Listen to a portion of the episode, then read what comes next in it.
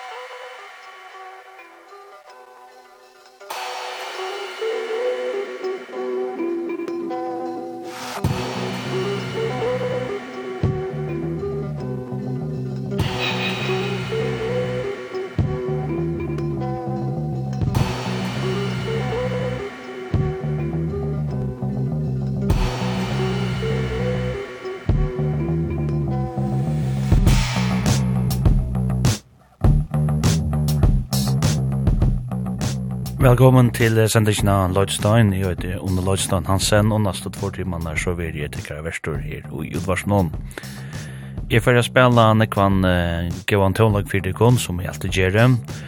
Og til kunne, ja, Lena tikkun at dra, få tikkun... Uh, og godt at vi, Tånlagsnån, for en biltur, uh, ja, ett landa, uh, njötes och lötna samman vi mer.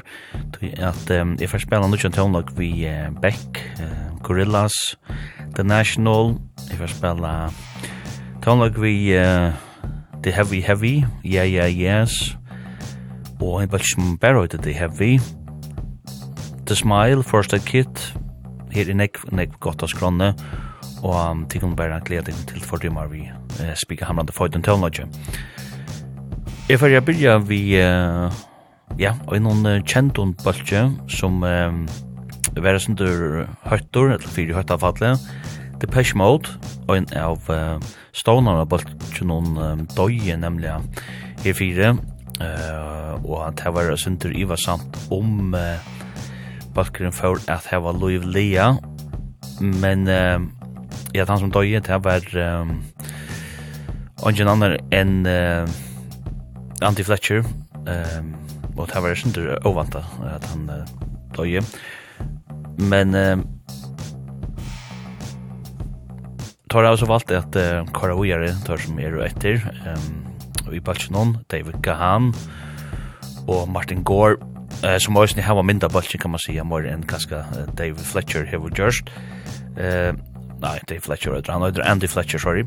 Ehm um, som man jag alltid man kallar han man kallar han för det accountant alltid han är väl ganska mer han som teacher är sovereign thing i Balchinon. Men eh, Eh, ta kjøpte ikke noen om mer enn vi vet stående her, legendariske bolchen til Patch Mode, og ta vera han aldri glemte Eh så simpelt er det.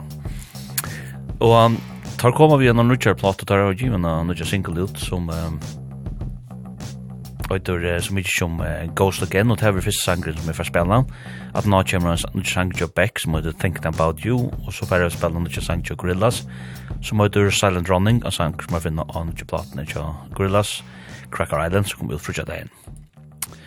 Men um, lett nok bare kava nirru et her vi Depeche Mode, uh, tja sanker som vi er finna og einar nukjar plato tja taimon og som fer at oita så mykje som Memento Mori og hon skal, ja skulle faktisk vil komme ut da nukjar plato tja taimon nå er på nå kommer ut i mars og ikke her. Uh, 24. mars kommer denne platan ut. Men uh, njøtes av løtene her vi uh, Trimon uh, sterskon uh, bakgrunn som er, er alle kjenter, Beck og Gorillaz, og ja, da finnes det versjon til Mode, Ghosts Again. Wasted feelings, broken meanings, time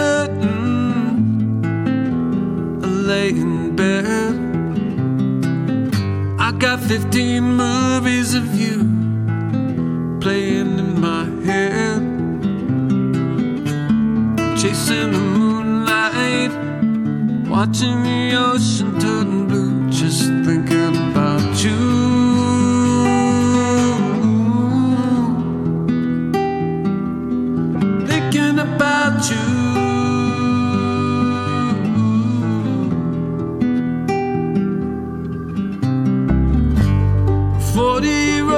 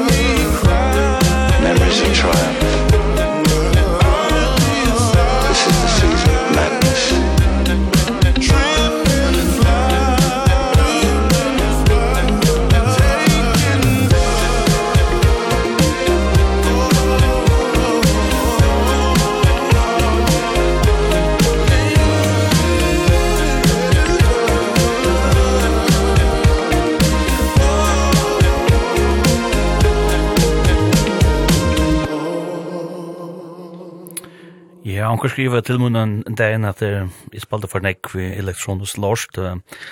Jeg vet ikke hva tid alt er ute, men hvis du, hvis det her er elektronisk lorst, så da man vel elektronisk lorst, at det her er hamrande fight, og det har vært sjående gorillas her vi sendte noen Silent Running. Og en sang som jeg finner av andre platen til Gorillaz, som øyder Cracker Island. Platen kom ut frisja dagen, og kan stelle ved man last, og jeg tar som jeg har hørt av en her til, til godt, og ja, men jeg har spalt nek av nek vi kom jo som uh, singler, eh med Lord, ja, ikke med Lord, det er sørste året, eller sørste halve året, må den nøyve. Ja, men var nesten, nesten sørste året til at alle første singlene kom ut uh, under for fjør sommer alltid, så eh till hon har väl en jobb i sen plattan. Arnold Hordo Gorillaz og Silent Running som var da framskrevende sangren Thinking About You tja amerikanska Beck Beck Hansen som han uh, øyder Og hette er en nødt singla som han har givet ut, og ja, det har vi sagt om han at hon ganske ber vittnesbord at han har løytet seg alltid til um, uh, togina ta og um, han gjør det morgen en alien og han gav han platt ut 2014 som at Morning Face, og som ble nekspalt og i sendingen her til meg, uh, og Og 2003 gav han en plass som heter Sea Change, og akkurat sinne sangen er um, helt runker mindre synder om det som han gjør det ta, mer uh, fri og litt introspektivt, uh, um, det sier um, det vender inn etter, men uh, ja, inne salt, jeg vet ikke hvordan man, ja, inne salt må det bli, va? Og, um, og så er det akustisk uh, vibe i vrisen her, tror jeg at, um, han har ganska råd nog snakk mer runt i pop noen uh, nyliga, eller så att nu är Det det ska man vi gorilla så søysene, här han är lite ikke av flere sjankon, och og han så var han ganska åter till det, og mer lit och ja, nå uh, tog skulle läsa med framtid om att här verer uh, parster om plato, det stendes ikke um, her som är um, røyne lese meg fram til, så det vet om man er sangen, men um, stått litt av å nytt fra sånn her donald amerikanska tonasamann som øyder, ja, eh, Beck Hansen. Han rørte då eh Beck eller annet för sanker där som treatment som hörde här och där för sanker i sendingen inte var Ghosts Again tja Depeche Mode. uh, nu singla fra Taimon og en sanger som er finnet av höra Plato Memento Mori som skal komme ut i uh, mars 4. mars om det som jeg leser meg frem til er rett, og jeg lever meg så nekt til det, og det er godt at um, det pers mot Køyra. Jeg var um, til er et år siden, det er Andy Fletcher, og han har livet noen i Bølsen, han uh, døg, ja, godt og vel at du er. 16. mai 2022, uh, andre sang knapt, ja. Og um, til, jeg gjør det sjående til at det ble jo sin til det, ja, spurninger sett vi om, det var helt fram, men uh, Men det er det så, her var det så valgt å gjøre det som er etter Dave Gahan og Martin Gore.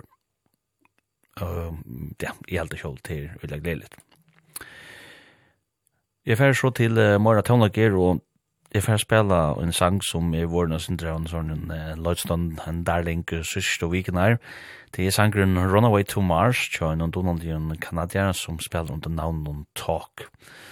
Og um, han øyter uh, så mykje som, uh, la meg lukka så tjekk, han øyter snedfyrin dag, han øyter uh, Nick, og ja, jeg, jeg, var, jeg levde faktisk opp i Janne, på enn om, for vi vet om jeg minnes hvordan det skulle uttales, på enn The Rocher uh, vil Google Translate uh, vera vi at det skal uttales av enskån, uh, men uh, nu er det uh, større parter av Kanada jo frangst, og Og um, ta leikar sin drop til at det er et franskt ettnavn at det er. Uh, Duroshi, Duroshi, av fransk blod og så. Lukka mykje, Gustav Øyder, nere unge mauren her, så synker han øyda vel, og jeg får spela den her Sanji Jones, som heter Runaway to Mars, som er en syndrom kvåa til um, glam rocken, um, som er mitt ui, eller fyrir velta av fjersen, vi David Bowie i øron, Sigge Stardust, alt det konseptet, og til Uh, alt i shower er eh fort um, og han er spennende som fyrir nir eh, rockne vi at vi kommer høyra nekst til han og han hever en øyla øyla sterska og større rødt og han virker som en som um, Dorøsten brukar til her sosiale midlene vel han er nok større her ute og TikTok og kvart alt det er utor Instagram og sånne kan. Jeg fyrir så spennende sang her vi eh, Billy Nomads og en donanlig enske tøndestakvinna uh, som um, er kommet ut via Nutjar Plato, er fyrir spennende sang til henne som heter Blue Bones, sangen hever et uh, suje høyt som heter Death Wish, og um, ta, um, kunne glede deg til til at jeg hadde showren den her er uh, hamrande void den her uh, Bill No uh, sangen er finna henne uh, Nasto Plato, nei, ikke Nasto, Aero Plato, som heter uh, Ja, hvordan ser ut? C-A-C-T-I. Jeg vet ikke hvordan det skal ut. Det må være Kashti, Kashti, I don't know. Kan det stender fyrir, jeg er det sikkert på det. Men uh, lett av være, uh, leid til talen ikke frenne. Først sangen er for spille nå her, det er under sanger fra The National, sånn her uh, største amerikanske rockbalkeren, som... Um, ja, da sangen kallas for uh, Tropical, uh, Tropic Morning News. Og um, sangren uh, vera finna av en annan rutja plate til Toimon, um, uh, som uh, kommer ut i april, som for øyda First Two Pages of Frankenstein.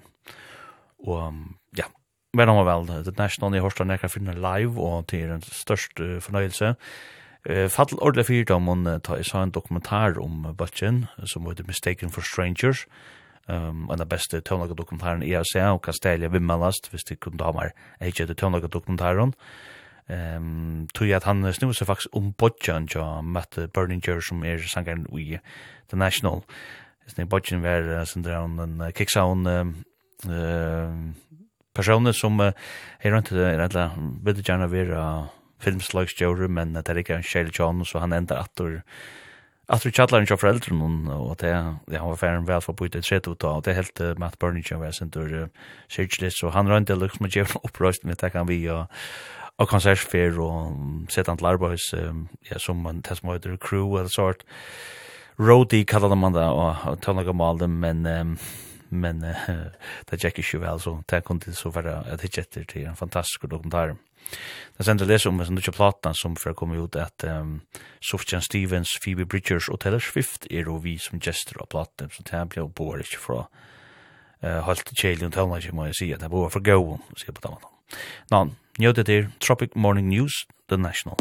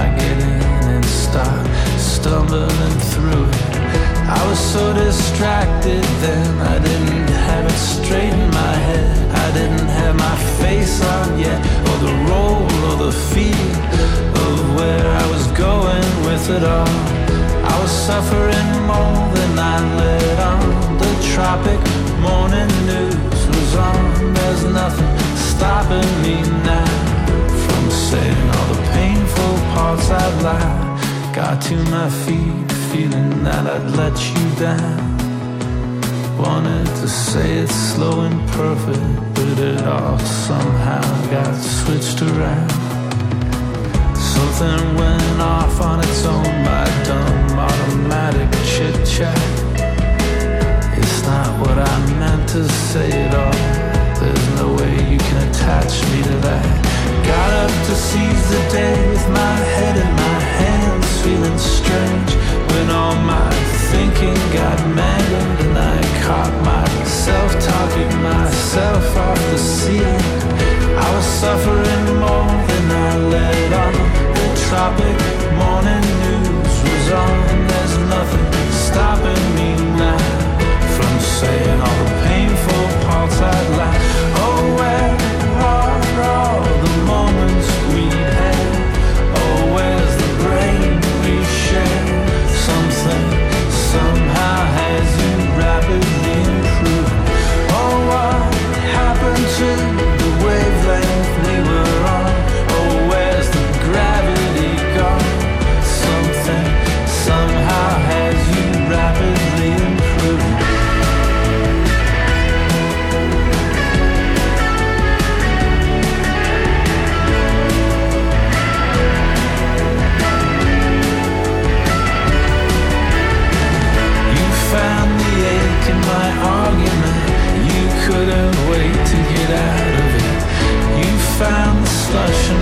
telling You made it sound so intelligent.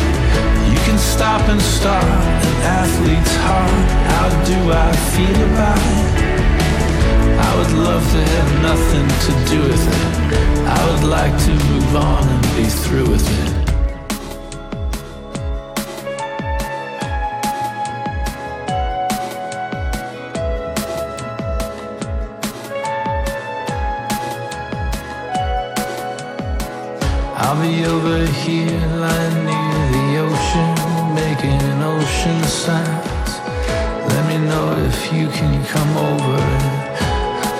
the controls for a while. I was so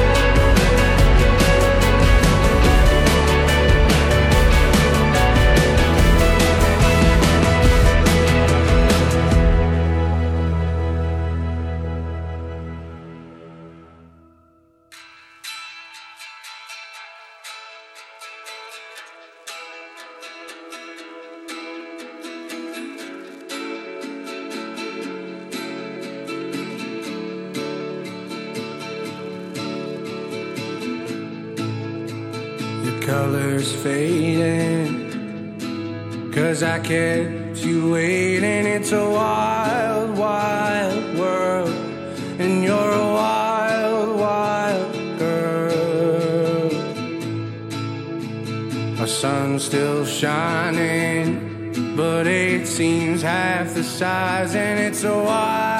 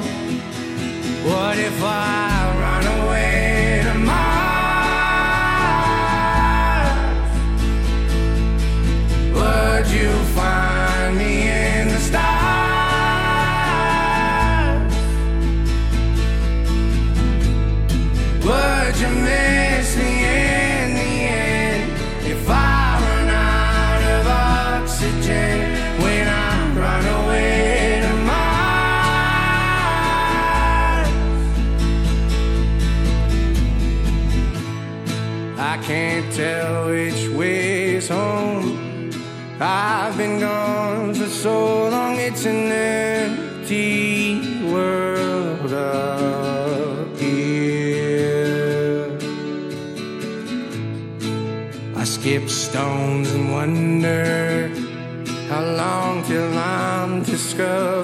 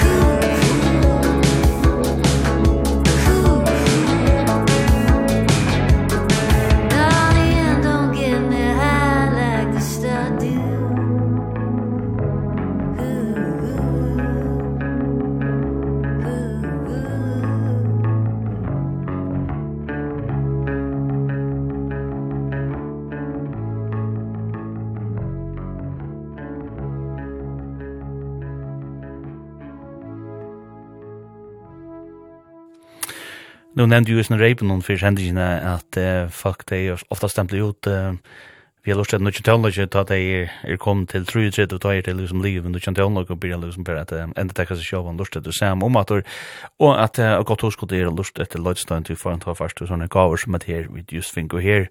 Blue Bones kallar sånne døylig sangen her tja Billy Nomads ur Ånglande og et um, navn som er relativt eller ja, relativt nytt for mer tog at jeg oppdager jeg henne og en plato tja Sleaford og den enske Balkor, post-punk Balkor, og um, hon var vi en uh, sanger som kallas for and Mindy, som er damer ulike vel, og så får jeg lusta mor etter en Billy Nomads, og for å dyrka det uh, som hon gjer, Hon er um, en dama som heter Tor Maris, um, og er um, ur faktisk Leicester i England, men bosittende i Bristol. Um, og hon uh, ja, Steve Mods uh, vil tilskriva i lukka som uh, uh, tan høyre at det tar sett henne gongt at vi har gjør tøvnlag til at um, hon var faktisk uh, nok så nek stempelig ut vi uh, tunglind i øren og, og heita Tropult, men uh, var så færen til en uh, konsert vi konsertvislig format, så da har jeg så, ja, givet en utblåster rundt. Den der og energi til at uh, jeg færre skriva tøvnlag atter og og det er alltid det vi må bara vara glad for at man hører at her, hun er øyelig cool denne damen her, uh, som uh, spiller under navn og bilden om det men da var han øyelig vel. Og det her, som sangen her er å finne av henne er jo gava, som heter C-A-C-T-I. Uh, og jeg, ikke, jeg skal lukka å være helt ærlig her, at jeg jeg visste jo om hun er kommet ut den platan, eller om hun er avvis. Hun er nok kommet ut, ja. Så att det var en sån gåva att man också om eh, att eh, jag visste man det är liksom fem på tre tre och här bruk för liksom bara få och luckan utblåsa och allt andra lodge så fem man det. Eh och typ precis som det går det ska nog ta kamera och finna tonlodgen och tej mittlanda just här. Och sen där Arnold har varit dit talk och den här spännande kanadieren som eh, framför Sanjen eh, Runaway to Mars, en fralug og sanker halde jeg sjálf um, og en sera, sera donald ut unga meaur, ikke minst sankare, og sanken her, um, ja, i røyna fløyre som jeg har hårst vi hånden som er gaur, at det er ganske det lukka som Runaway hitte kjån, det som er stund jæva sindur, og han øyder så mykje som, Uh, snir unge meðar, han øyder så mykje som Nick Durushi, si, hvis det er den franska versjonen av navnet John, en kanadier sjående, hvis det er den enska, så er det Durushi, Nick Durushi. Durushi. Franska er jo alltid bedre, ikke det er Her er en av vi er snær, talk, at det er snær vi er større råkne vi. Og den første sangen som er spaltet her var nødvendig sangen fra The National som heter Tropic Morning News, og en uh, døgnlig sanger alltid show som vi har finnet og en kommande platen i Kjøttheim som heter First Two Pages of Frankenstein som kommer ut i uh, april måned og her kunne det glede deg til en kan gå en tøvnløk med landa her og i Sufjan Stevens, Phoebe Bridgers og Taylor Swift er gestor jeg gleder meg ødne til at høyra platna fra sin her sterska balsen ur ur USA, og ja, også synes til at du arbeider sammen med blant Taylor Swift, til tog at uh, Aaron Dessner, som uh, som uh, er en av stånaren i Bølsen og en av tveim bodgen i uh, The National, han hever uh, framløyt tverplater tja Taylor Swift, sammen med Bonnie Weir, uh, just, han som heter Justin Vernon, og tar, tar her et um, Og så er tøyme, um, tøyme og framlager tøyme som heter Big Red Machine. Så til oss til at det er samband med Taylor Swift og The National. Jeg fer så til um, Cindy Moira, um, Americana Country, Tone Like, uh, ja, förspela en sang vi snir som heter Charlie Crockett, I'm Just a Clown, kallar sanger som jeg förspela til honom, det var den første. Jeg förspela en sang til en balt som heter GA20, Fairbutter Friend, kallar sangeren, Og så andre sanger til Noel Gallagher ur um, Oasis, og han sier uh, Balkje, uh, High Flying Birds, da kommer vi en sanger som er Easy Now. Men uh, først var da Charlie Crockett, vi er snir døde sanger til noen her, av Blaten Johanon, The Man from Waco, sanger nøyder I'm Just a Clown.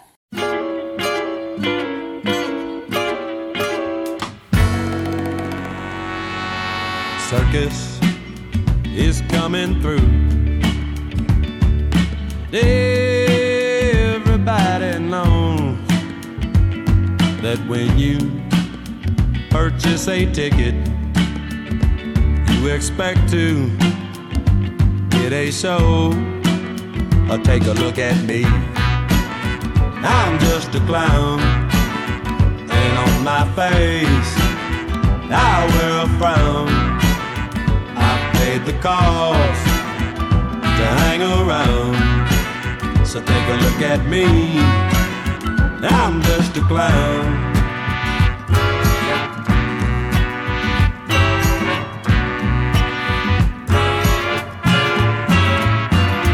The Joker stands in the middle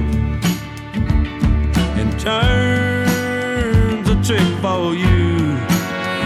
Because sometimes you know it's better be thought of as a fool. Or take a look at me. I'm just a clown. And on my face I wear a frown. I've paid the cost to hang around. So take a look at me. I'm just a clown.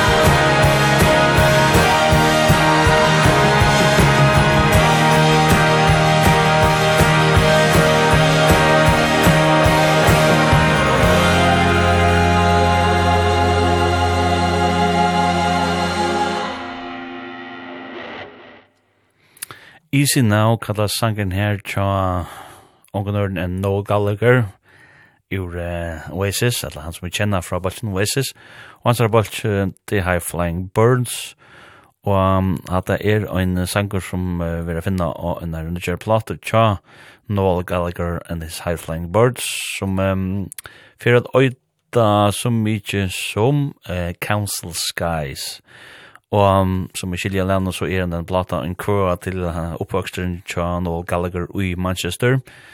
Um, der vokste opp i, ja, ikke særlig, um, jeg vet ikke om man kan si om der vokste opp i fatakken omkvar, det var, det var ikke, det var ikke mykvande folk uh, på nekkan svensk mata, og det er council som bor i en sånn allmenn, uh, allmenn nyttig på dansk, dansk, uh, allmenn bostad, jeg vet ikke hvordan man sier det først, men Men eh, da finnes vi ikke for er andre disse her unge mennene som, eller unge drøngene som uh, ble til Oasis og åkner tøk og tøvndagaheimen og analytikos og Johannes noen. Platan er en er en fer at til at tøyna syn og galkur Samro samrø det er vi at det drøyma og lukka som arma og kratt og i løyve for a bjóa så og de fengat her kjenslen atter Jeg er sjolver kjempe Oasis uh, fjeppare, uh, til er bare ikke at som er samt med er nekve dame ikke Oasis, jeg var ringt vi liksom at uh, ja, jeg vet ikke, dame bare ikke Oasis, men uh, mer dame da vel, at er så troblokene, jeg vet om det er at det er i Manchester City og det, ja, det kunne da køyre et visst sted, men lett affæra, Eh annars alltid är att det är Donald folk och här ligger några go till några efter Oasis och nu Oasis när alltid så långt att det är en tänk på en Noel Gallagher men inte minst Liam Gallagher ist Och ja, jag visste spyrt mer så att nog så inspirera av Beatles och såna kativ Noel Gallagher och allt det värre. Og platan hon så tykk opp i hans Lone Star Sound Recording Studios i London her han bor nu. Og um, han brukar med landa eh uh, att ett med landa ser Strukarna som han brukar av platne tar upptecknar i i en helt legendariska bilstudion som heter Abbey Road och det ligger faktiskt inte så real länk från här vi han bor. Ehm um, han bor nog ute som Made Vale ehm bor jag bara i London uh, några Gallagher och här alltid är Abbey Road studios ligger inte från här.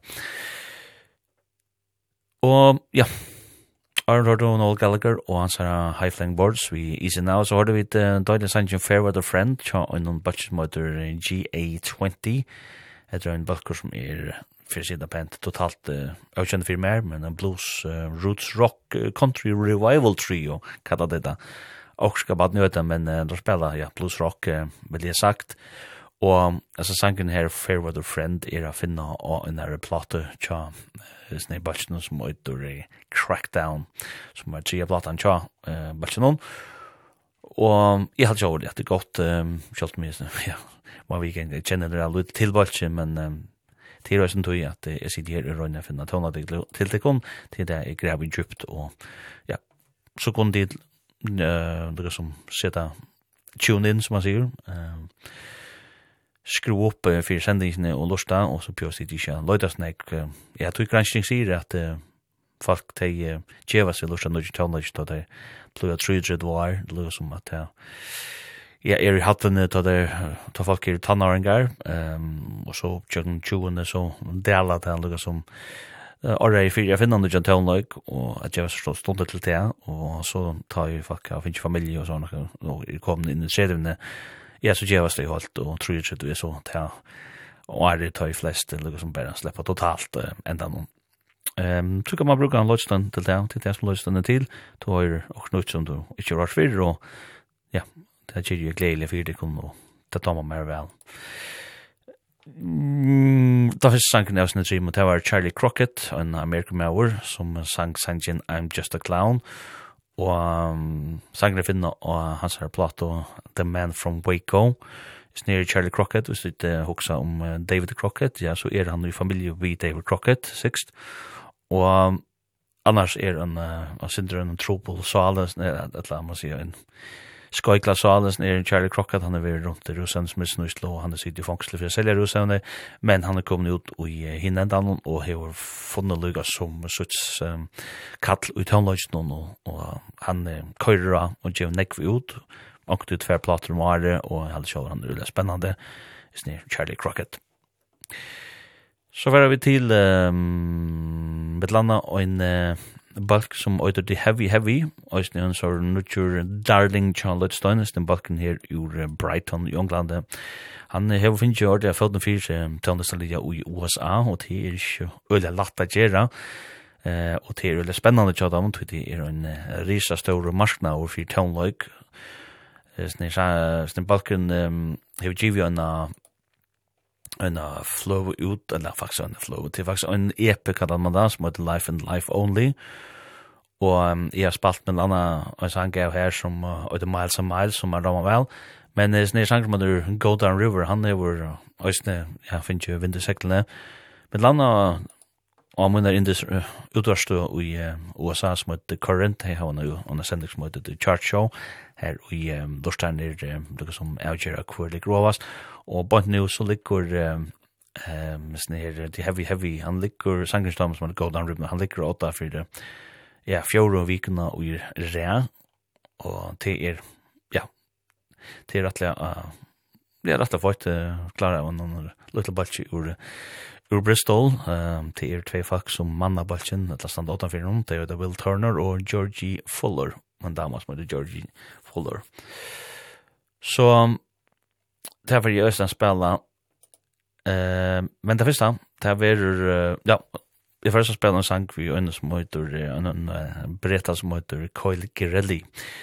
Jeg vant ikke nekka at jeg kunne ha hørt om Coil Girelli før, men han gjør øyne en tonløk, og er ganske mest kjenders for en, som han som skriver til han til Onnord, han er jo skriva um, Sanchi for uh, BTS, um, K-pop-aren ur uh, Sur-Korea, og han har skriva Sanchi for Macklemore, Robin Schultz, Westlife og Onnord, så er det kjendere han for enda Sanchi for Heartbeat, Charles, Chas, BTS, så Maren han tjener sånne penger først og fremst som sangskrivare, men han uh, gjør også ekna tøvnlag ut, og Og jeg får spela en sang av hans plass som heter Funland, og sangen kallas for så mykje som Flake. Fyrst jeg får spela til en rock-sangur, Pink Slip, og det sangren, og til vi gjerne bøtt som heter White Reaper. White Reaper.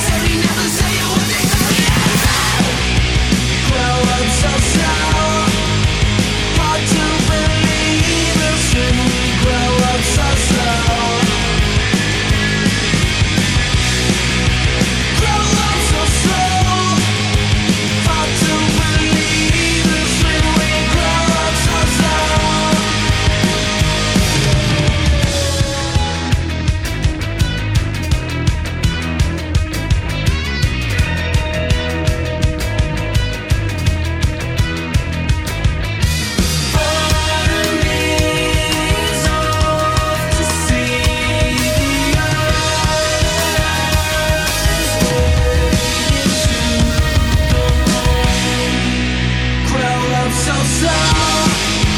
Hard to believe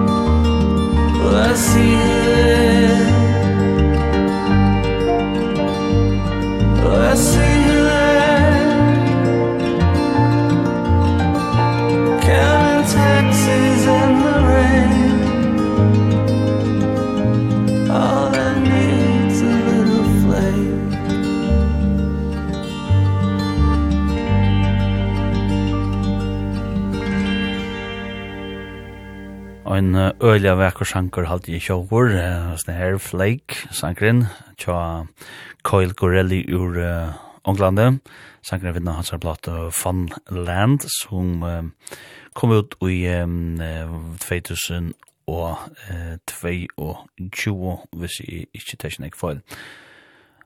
Og um, halte jeg nok så stått litt at um, uh, Gjera vart vi at um, uh, at um, introen her, byrjan til sangen her, hun mynte ikke sørst om uh, en sang tja, nerver sangen tja Marius. Um, jeg held det så, ja, det er jo, har jeg også mynt om det, men uh, det er ikke verre. Og um, ja, sånn her Kyle Gorelli, han er ganske best kjent som han nevnte som sangskriver, og skriver sanger 4 og uh, større popnøvn. Uh, Men Joe så i alla ställen så när egna plattor ut och ter er och eller goar och han är ett namn som är nu är är blind presenterad av dem. Det var Eilers Sørensen min faste samværstur i sendingen han var vist man annan her. Arne hørte du Coil Garelli og hans herre Flake, uh, så hørte vi til sannsyn uh, Go Down River tja Donalia enska bachin on the Heavy Heavy ur Bristol. Bristol Og sangen er finna og av en der epic av sånne balsen som heter Life and Life Only. Og snir balken hever alvorlige vinterseklen, selger jo i USA her da, hvis som at tar man da man vel tøvnleggen tja, det er heavy, heavy, og det er ganske ikke underlitt, det er hever, det er særlig amerikanska rocky, og halde i er, tar man da tøvnleggen tja, det er heavy, um, så var det den første av sangen som du hørte her, det var sangen Pink Slip, tja amerikanska rockbolchen The White, at ikke The White, bare White Reaper. Da er det høyre synder av Roger vi kvarst, ikke ofte enn så at du spiller rock, og det er ganske en øvskikker tjammer.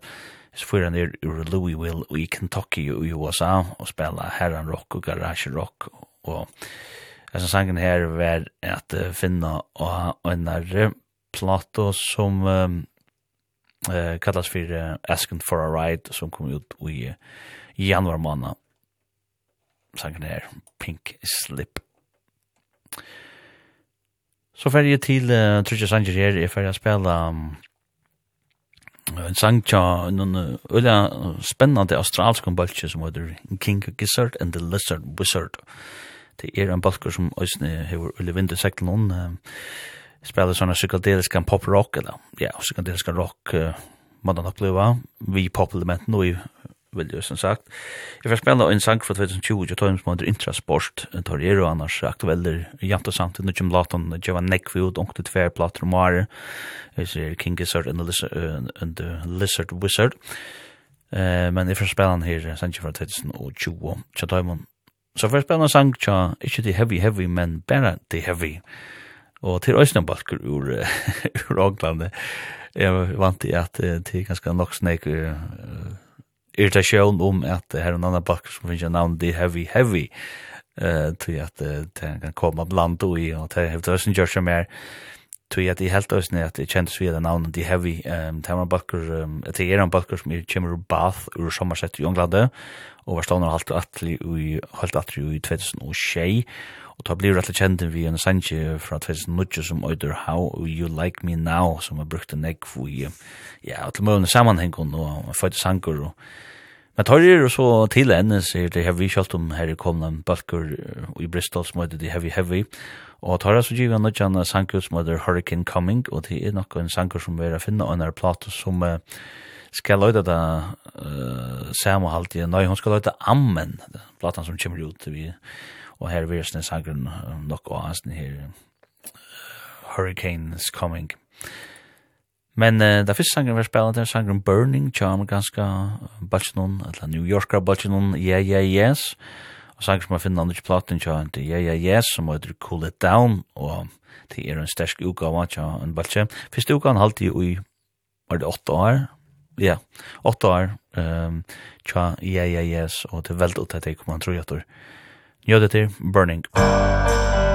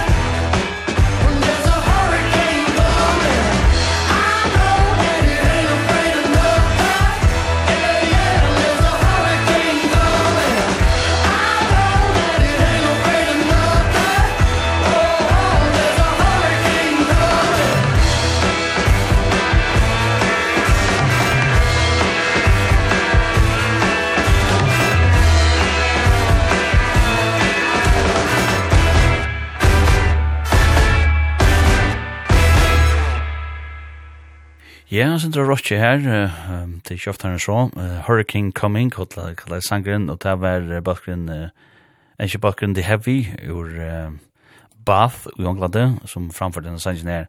Sangren her vil jeg finne, og nå kjører plate tjas nir, balsen noen som fyrir høyda, amen.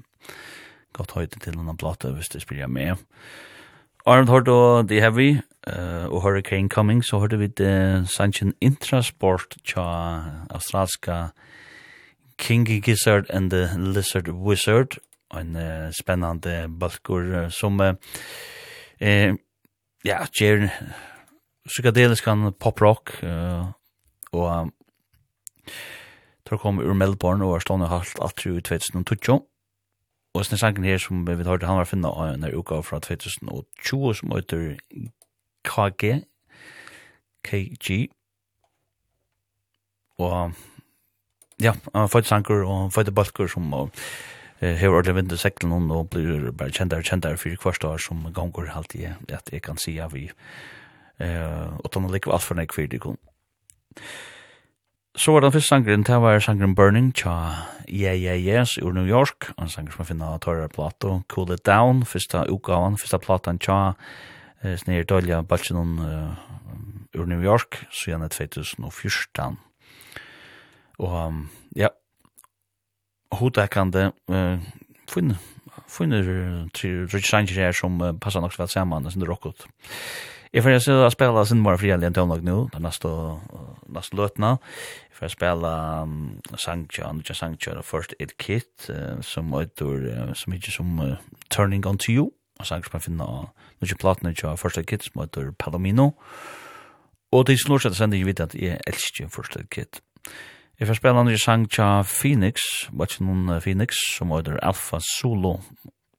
Det første var uh, nutja prosjekt, ja, sanger tja nutja prosjekt, nutja, jeg vet ikke om man bruker alle prosjekt om bei fotballt og tøvnløk, tånløk, det er nutja balts nutja, tja Tom York ur Radiohead, uh, som heter uh, The Smile, og det er en uh, spennende balkor som uh, Tom York hevur stóna sama við Jan Örnlimi í Radiohead sum um, spelar gitar sum heter Johnny Greenwood.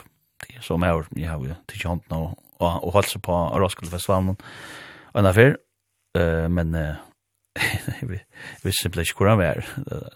Om radio hadde spalt så spurte jeg ja, hvor vær men uh, han var veldig fitter og tog det pent at jeg ikkje kjente Johnny Greenwood. og Og så tann uh, tre mauren, eller tre i bølgen til er Tom Skinner, og til er en trommespiller som spiller vi en døljende jazzbølge i uh, England som heter Sons of Kemet, og nekker røster bølger som er Sons of Kemet og sånn.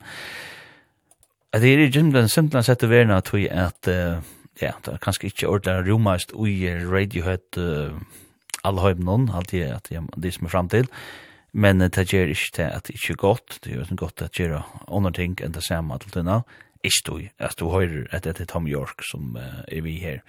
Jo, det er her kommer um, uh, The Smile, vi er sendt noen uh, som uh, kalles for uh, The Smoke, og han har finnet at det blir platene tja, uh, sånn her, bare ikke noen uh, uh, The Smile, og hun kalles, hvordan var hun kallas her? A light for attracting attention. Vad är det biplatan? Ja, det är det.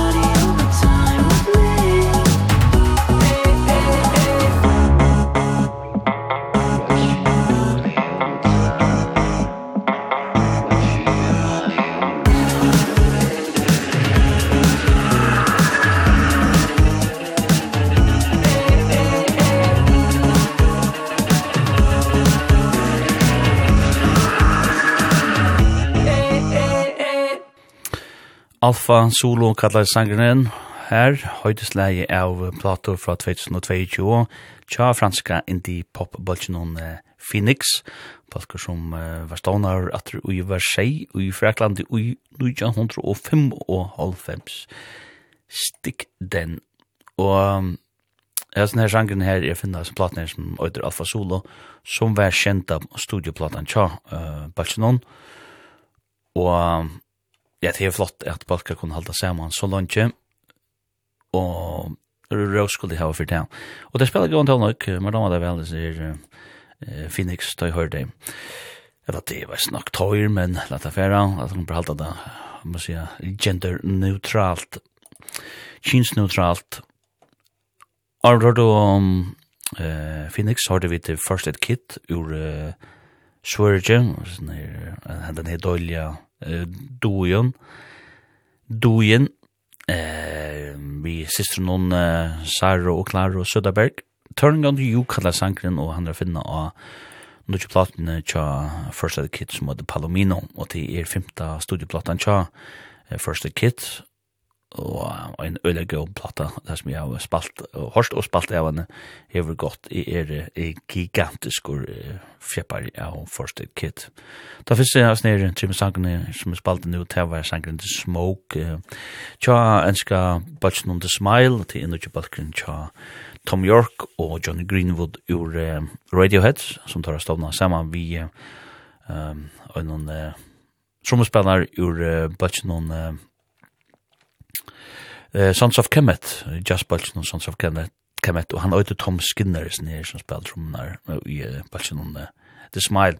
Og jeg sjåver at The Smile er kommet, og så er det vel fra uh, Briant og gjør denne her. Fyrsta platan, Tja Balchen og hun er um, øyde vel fra Gingen og, og kan stelle vimmelast, og hun øyde nekka, så... Uh, knorslo som a light for attracting attention. Ikke at jeg knorslo det det er faktisk funnet av alt det der, men ikke nevnt det minnast. Um, men dette er a light for attracting attention. Jeg skal ikke snakke for nek, eller det gir jeg lukka men uh, dette var um, Etter på å spalte sin jantan litt at jeg får spela en sang til Nathaniel Radcliffe og The Night Sweats, som heter Hey Mama. Jeg får spela en sang til en bøtt som heter Sonny War, som heter No Reason. Det første var til om vi åtta mannen i Manford and Sons, som nu giver en solo soloplate ut. Han heter Marcus, og sangen kallas for Grace.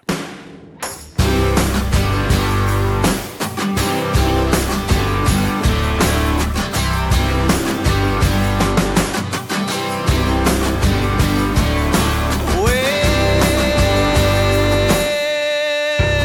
how should we proceed? without things getting too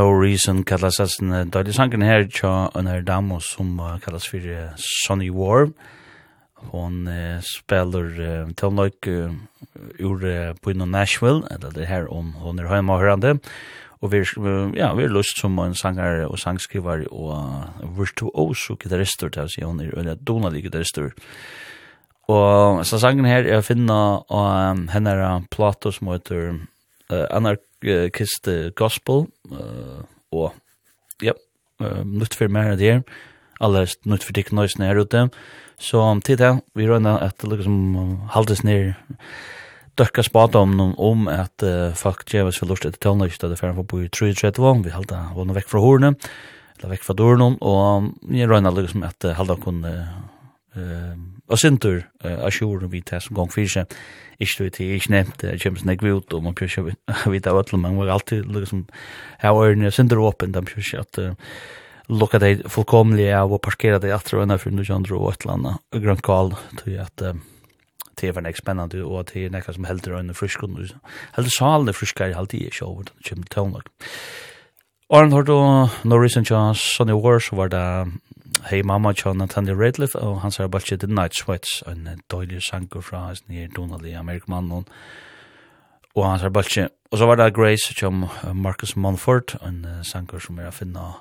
Og hans har uh, fyrst og, ja, fyrst og uh, uh, Solbato uh, nye Marcus Monfort som er Adamaren og i kjenda baltje noen Monfort and Sons. og og det er faktisk en bretsk balkor, eller han er gås bretisk nir, Marcus Oliver Johnston Monford.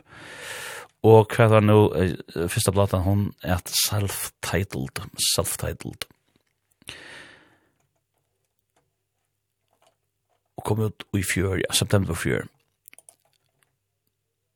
Vi fyrir at enda, eller det er sånn, vi fer, er fer enda, det er man, skal vi ikke må si det, Jeg var enda, og at var jeg gjerne vi Trimme sangen her, um, for spennende sang til Devon Gelfillian, som heter All I Really Wanna Do, nå ikke sang til sånn her donalige sangeren og sangskriveren, nå ikke sang til Churches, er det for hjelp for Robert Smith, og heter How Not To Down, og så var det Lizzo som fær uh, sørste året uh, i sendingene, To Be Loved kallar sangren, eller kallar sangren, og han er a finna henne, han er ikke platt som heter Special, som fikk Nick Rose og vann Nick og Høyslønner til det, være Grammys i fire. Uh, Emma Reddy og sangren. Det er så kvå til uh, forskjell uh, pop uh, toneløk. Vi er nere så får jeg takke for meg, og ikke tenker alt det beste, ansen og veldig til sjålen. Jeg får lette ikke ut av heimasynet, ja, sendingen som er kvf.fo framskak Lødstein. ikke kommer også nå som podvarp og imenska tjenester, og hun finnes da også nå av Spotify hvis du løter etter Lloydstein og Spotify, så kan du høre han her også. Jeg har også en Facebook-venka som heter Lloydstein kom, eller hver dag, men han kom i Uri Syra og Syka og Hoskoton, og jeg vil satt om han av Viko, og ta veri atter vi ånkonøren enn hans Marius Syska som vi samverst i sendingene. Han gjør en nødja plate ute 20. mars, og vi tog sambanden, og så færre vi at uh, spela nødja platen til honom, og ja, prata med henne, og annars bare hevde det godt. Ta mot inte så för att glede kom till. Alt er bästa. Cause all I really wanna do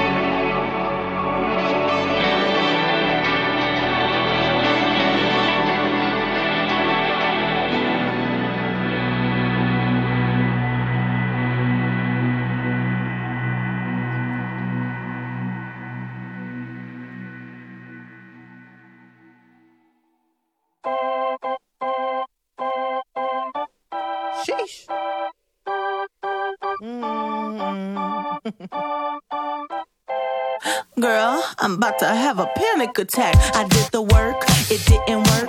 Ah, ah, That truth, it hurts, that damn it hurts. Ah, That lovey-dovey shit was not a fan of it. I'm good with my friends, I don't want a man, girl. I'm in my bed, I'm way too fine to be here alone. On other hand, I know my worth. And now he calling me, why do I feel like this? What's happened to me? Oh, oh